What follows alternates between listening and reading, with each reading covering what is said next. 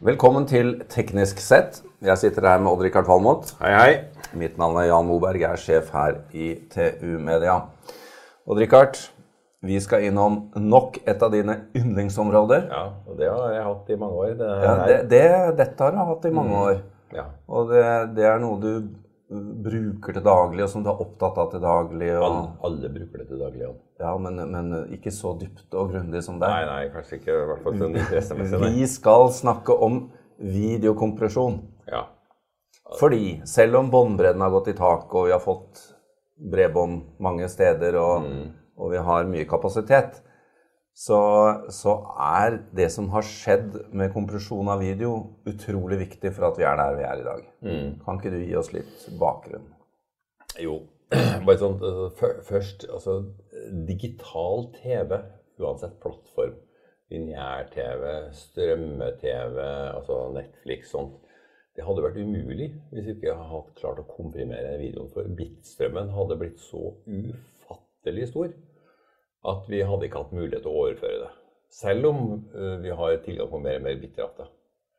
Det er jo bare liksom NRK, når de tar opp fra et kamera ute i skogen, har, har kabel inn til bussen sin, at de kjører ukomprimert. Alt må kjøres komprimert, ellers så går det ikke. Men med, med den lille innledningen, nå ble jeg nysgjerrig, når, når da begynte dette? Nei, det begynte jo på 80-tallet. Og det var jo ikke TV som var, eh, som var i skudd egentlig den gangen. Det var behovet for å Altså, da kom ISDN, telefon. Eh, og da så man for seg mulighetene å ha videosamtaler. Eh, Så det var Det husker vi jo alle, disse driver, apparatene som kom, og det Ja. var jo Og- litt inspirert fra Minitel i Frankrike. Ja. Ja. Men du, nå skulle du få se ansiktet på den du Ja. pratet med, ikke sant? Ja. Eh, og det var veldig viktig. Men før det så jobba man jo Altså det gamle systemet for analog TV, det var jo Det hadde en slags kompresjon, det også, for du overførte annenhver linje. Ikke sant? Du måtte, du måtte overføre 50 bilder i sekundet for at du ikke skulle få for mye flimmer. Eh, men hvis du overførte 50 linjer alle linjene, så, så tok det opp for mye båndbredde, og så overførte det bare annenhver linje annenhver gang. Det var altså en slags kompresjon. Interlaced, som mange øh, husker. Og japanerne de drev jo det her opp til de ville høyder. De laga et system på 80-tallet som var beregna på HD-TV, men det var analogt. Og de klarte faktisk å presse HD-TV de inn på 8 MHz, altså i den vanlige TV-kanalen. Jeg så det. Det var, det var virkelig imponerende. Den gang, ja. Og det- var, altså, det var analogt, altså. Så Men nå snakker vi jo om eh, Eller nå var du inne på TV. Eh, Nå har jo video også virkelig blitt mobilt. Så Ja. det har jo, som du sier, dette er jo noe alle bruker hele tiden. Men hvor langt har vi kommet da i disse kompresjonsteknologiene? kompresjons... eh, Nei, altså, det, har, det her har utvikla seg øh, sakte, men sikkert. Det begynte, det begynte jo egentlig mer innenfor telekommunikasjon. Hvor, hvor televerkene ville tilby folk videotelefoni. ikke sant? Og når du fikk digital, en digital plattform, så gjaldt det å få pressa ned behovet for lyd. Og lyd er også digitalt konkurrert. ikke sant? Og, og video på en måte som gjør at det, det, det smatt gjennom en, en linje på 64 kilobit per sekund. Ja, da er du på ISN. Da var jeg på ISDN. Og det, har jeg, det husker jeg vi lekte oss en del med. Det var jo klin umulig. Det, det funka ikke. Men du fikk dobbel ISD-en etter hvert? Ja, så fikk du dobbel ISD-en og sånn, men, det, men det var Altså, kompresjonsteknologien var ikke kommet langt nok.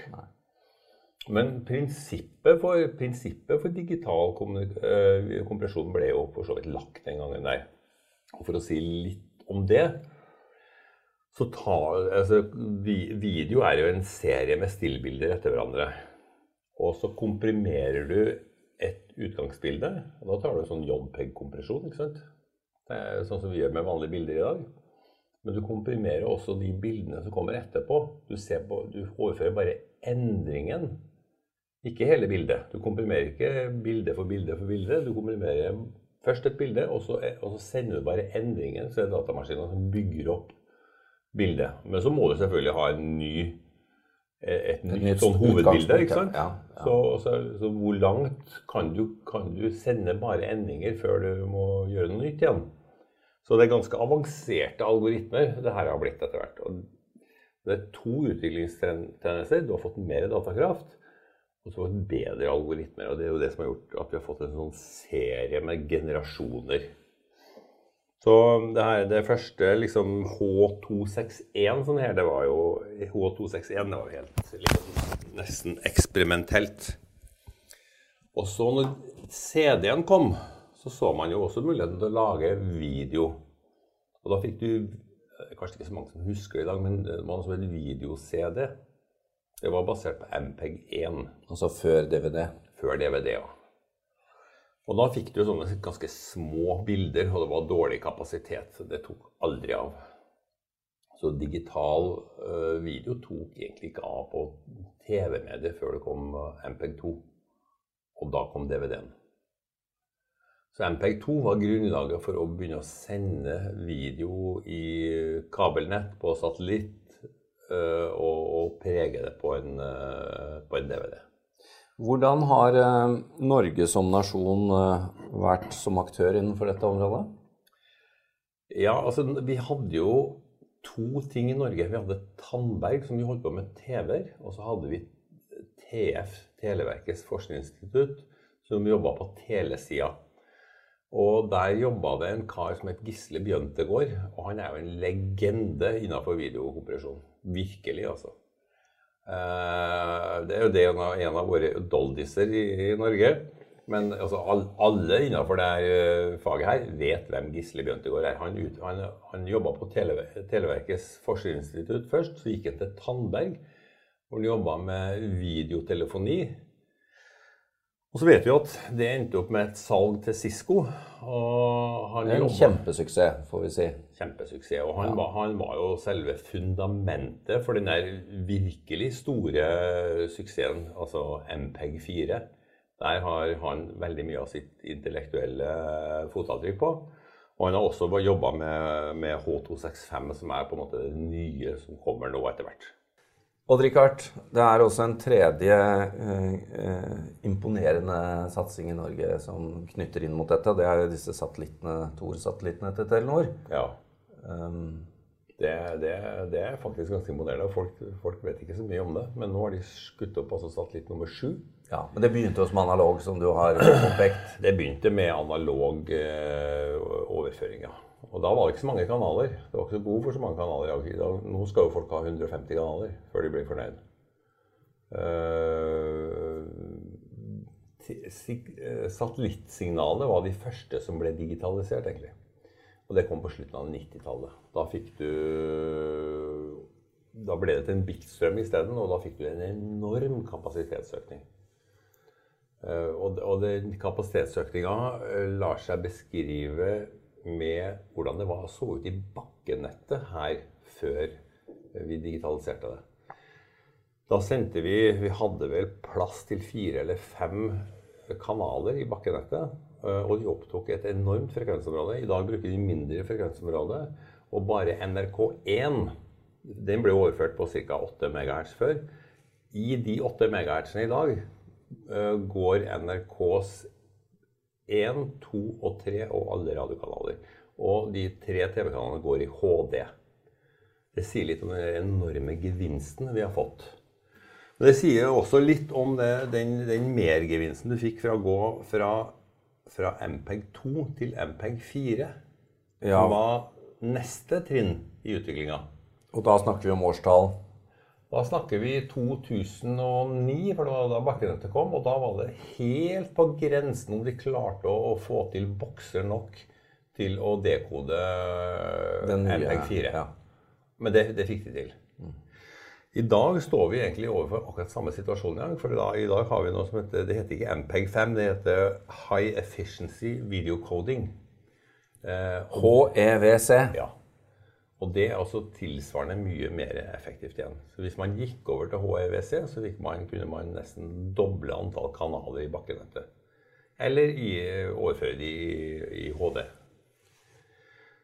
Men vi har eh, også fått en utvikling på, på eh, utstyret hjemme i stua. Nå er det jo 4K helt vanlig, og, Mm. og det er snakk om enda mer. Hvilken betydning har det hatt? Nei, nå, altså, nå har jo TV-produsentene de går foran. De vil gjerne at folk kjøper nytt utstyr. Og de har lokka oss nå med 4K i, i ja, siste par åra. Og det har jo folk kjøpt da, i stor utstrekning. Og da er, oppe, og da er det jo et sånt press for å få sendinger i 4K. da. Og det er det jo egentlig i praksis bare Netflix som har enda. Eh, Amazon har vel også starta opp litt, men det i hvert fall det som er kjent i Norge, er Amazon. Der kommer nok det ikke noe med det første fra NRK og andre. Nei, så Selv om folk har brukerutstyr hjemme, så, så, så sender ikke innholdsleverandørene mye på dette. Nei.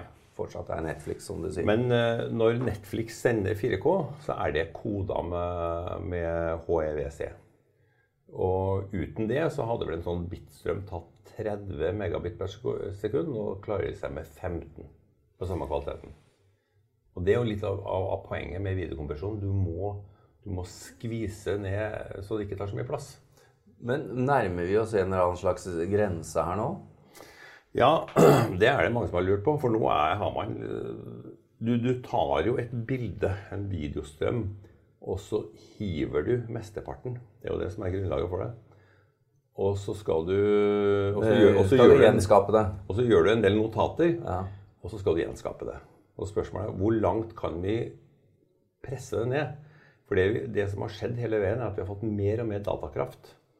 Eh, Når man gikk over fra MPEG 4 til HEVC, så regna man med at man brukte i hvert fall i starten ca. ti ganger mer datakraft for å, for å pakke ut dataene.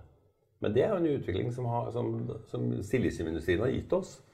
Så å si gratis. Så det Ja, man har, kunnet planlegge for, eh, man har kunnet planlegge for større jobber enn man visste man kunne løse, for man visste at, Ja, at man tiden kraften visst ville komme. Ja. Men så spørs det hvor, lang, hvor mye kan du hive da, og allikevel klare å pakke det ut. Og jeg tror ikke vi har sett siste versjon. Jeg kan godt tenke meg at man klarer å halvere det en gang til. Og kanskje man i fremtida kan klare, klare å halvere, halvere det både én og to og tre ganger til. Men da må du nok begynne å bruke AI, altså kunstig intelligens, for å bygge, bygge opp bildet igjen. Det vil jeg tro. Men vi har kommet til et punkt nå hvor for den jevne forbruker eh, som f.eks. skal eh, kjøpe seg et, eh, en TV-leverandør, altså et abonnement eller, eller en TV, så er ikke dette så mye å tenke på lenger. Nei, det er, altså TV-ene håndterer det her fint. Mm. alle moderne TV-er altså i 4K da, håndterer jo siste videokodek. Og ve veldig mange mobiltelefoner nå kan jo ta opp i 4K og vise det. Eh, alle telefoner i dag kan jo ta opp i HD. Og resultatet er jo glitrende. ikke sant? Og det er jo altså det at du kan putte det inn i en telefon, det er, det er jo en ja, Det er en liten bragd, syns jeg, da. Bedre enn hva NRK sender, faktisk. Ja, faktisk. Det er sant. Det du tar opp på telefonen din, det er, eh, det er faktisk bedre.